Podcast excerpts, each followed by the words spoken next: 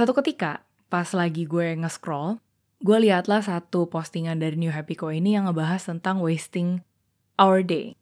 Dan ketika gue lihat itu, itu kena banget di gue karena beberapa hari sebelumnya, gue tuh menghabiskan minggu gue yang gue pikir akan produktif, tapi ternyata jadinya gue tidur-tiduran di siang hari, dan gue ngerasa kayak useless banget ya. Padahal sebetulnya gue memang lagi mens, dan ketika gue mens tuh badan gue memang punya symptoms yang cukup ekstrim setelah gue melihat postingan dari New Happy Co, gue langsung uh, nulis di jurnal gue dan gue kasih pertanyaan nih ke diri gue sendiri. Apa sih yang gue maksud dengan hari yang produktif dan apa yang gue maksud ketika gue bilang I'm wasting my day atau I'm wasting my time gitu. Jadi jawaban ini langsung gue bacain aja dari apa yang gue tulis di diary gue. Yang pertama gue tulis, saying yes to things that will definitely deplete my energy.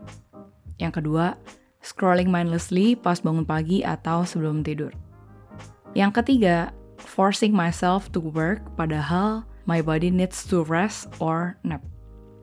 Yang keempat, debat atau kasih advice ke orang yang nggak mau ngedengerin. Buat gue, empat jawaban singkat itu sudah jelas memperlihatkan value yang selama ini gue hargai di hidup gue. Yaitu gue mau jadi orang yang uh, dikenal otentik, yang gak takut juga untuk memperlihatkan sisi vulnerable gue. Dan yang kedua, gue itu mau dikenal sebagai orang yang mindful sama hidupnya. Mindful dalam artian gue nggak cuma menjalani hidup karena orang lain menjalani itu. Nah, maka dari itu, gue mau mengajak kita untuk berpikir lagi tentang definisi dari ketiga hal berikut ini. Yang pertama adalah tentang definisi hari yang produktif. Dan yang kedua yaitu tentang apa yang kita maksud ketika kita bilang kita wasting our time. Lalu yang terakhir adalah tentang apa sih yang kita maksudin ketika kita ngomong tentang value hidup. Dan memang kalau kita mau ngomongin ketiga definisi ini, tentu aja jawabannya tuh nggak mungkin kita langsung dapetin dalam satu malam. Tapi ada satu mindset menarik yang baru gue denger dari Tatok. Gue lupa judul Tatoknya apa, karena dari tadi gue nyari nggak ketemu-ketemu. Cuma cewek ini ngebahas tentang gimana caranya untuk kita bisa say no ke hal yang emang nggak align sama value kita, tapi kita say no tuh dengan tegas dan nggak usah pusing nyari alasannya. Nah, si cewek ini ngomong bahwa kita perlu ngeliat lebih deep lagi mindset tentang time is money. Kalau kita setuju waktu itu adalah uang, dan waktu itu sayangnya nggak pernah bisa kembali lagi, then how are we gonna use it? Yang kedua, karena waktu itu adalah uang, ya uang kita kan pasti ada kalanya kita mau pakai untuk memenuhi kebutuhan atau kemauan kita. Yang hopefully semakin kita dewasa, kita memenuhi yang kita perlukan dulu. Baru ketika itu semua terpenuhi, kalau ada bonus atau kalau ada sisa, kita puaskanlah kemauan kita. Dan yang ketiga, ketika kita udah tahu kebutuhan kita apa, dan kemauan kita apa dalam memakai waktu, kita akan lebih mudah untuk bilang enggak ke hal-hal yang enggak punya added value ke hidup kita, dan kita pun ngomong enggaknya jadi lebih tegas dan confident gitu ya. Nah, satu hal yang akhirnya gue coba dan berhasil ya sampai sekarang yaitu gue ngelis apa aja yang ada di kebutuhan waktu gue yang harus gue penuhi dulu gitu. Kasarnya kalau ini anggaran bulanan berarti lu mungkin mesti ngebayar kos, ngebayar pulsa, ngebayar cicilan rumah, atau ngebayar cicilan mobil yang penting-penting gitu. Nah, untuk gue, list yang masuk di dalam kebutuhan adalah gue harus consistently ngajar nari setiap Sabtu.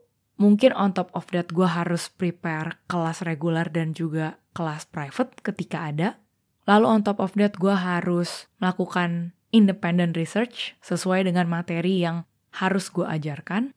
Dan ketika itu semua udah beres, baru gue bisa memenuhi kebutuhan yang berikutnya. Yaitu kebutuhan untuk gue bisa konsisten dalam berkarya dan punya waktu untuk ngobrol jujur sama diri gue. Yaitu konten si Abjad Tersirat ini. So, kalau misalnya gue udah bisa beres episode seminggu sekali, rilis tulisan minimal seminggu sekali, barulah gue bisa memikirkan ke kebutuhan yang berikutnya. Yaitu yang harus dikerjakan tapi nggak urgent untuk dilakukan sekarang itu juga. Dan di sini esensinya ini lebih fleksibel dibanding kebutuhan di kerjaan hari dan juga bikin konten.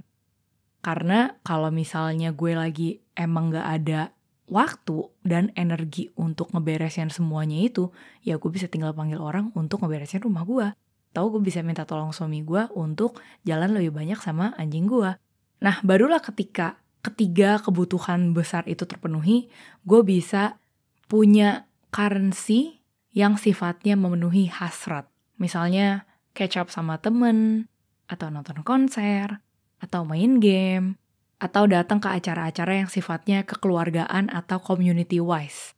Yang sebetulnya kalau gue nggak datang juga nggak apa-apa sih. Tapi kalau gue nggak datang terus, kayaknya peran gue di dalam komunitas itu atau di dalam keluarga itu atau di dalam pertemanan itu sepertinya akan dipertanyakan. Nah hal-hal yang kayak gitu buat gue yang akhirnya baru bisa gue berikan energinya, berikan waktunya. Maka dari itu, gue akan dengan mudahnya bilang enggak dan juga tanpa pakai alasan untuk hangout sama orang-orang atau datang ke acara-acara yang buat gue nggak ada edit value sama sekali gitu sama gue.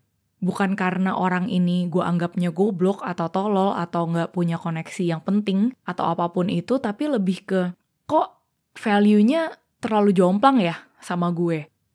Tapi itu contoh gue pribadi. Cuma gue berharap dari episode ini bisa ngebantu kalian yang mungkin lagi struggling dengan dengan perasaan-perasaan kok gue udah kerja banyak tapi tetap ngerasa nggak cukup ya atau ngerasa kayak hidup gue nggak ada meaningnya. Ya mungkin ini jadi waktu yang tepat untuk kalian ngeliat lagi soal gue wasting my time nih dan produktif tuh maksud kalian apa sih? Dan yang terakhir yang menurut gue paling penting adalah apakah kedua hal itu align sama nilai-nilai kehidupan yang memang bukan cuma lu hargai, bukan cuma ada di kepala lu, tapi memang lu hidupi selama ini. Semoga akhirnya dari situ bisa jadi pembuka jalan untuk kalian setting a better boundaries to yourself dan juga nantinya to others biar nanti kalian bisa ngomong yes or no ke hal-hal yang memang matter untuk kehidupan kalian. Thank you for listening and I'll see you for the next episode. Bye bye.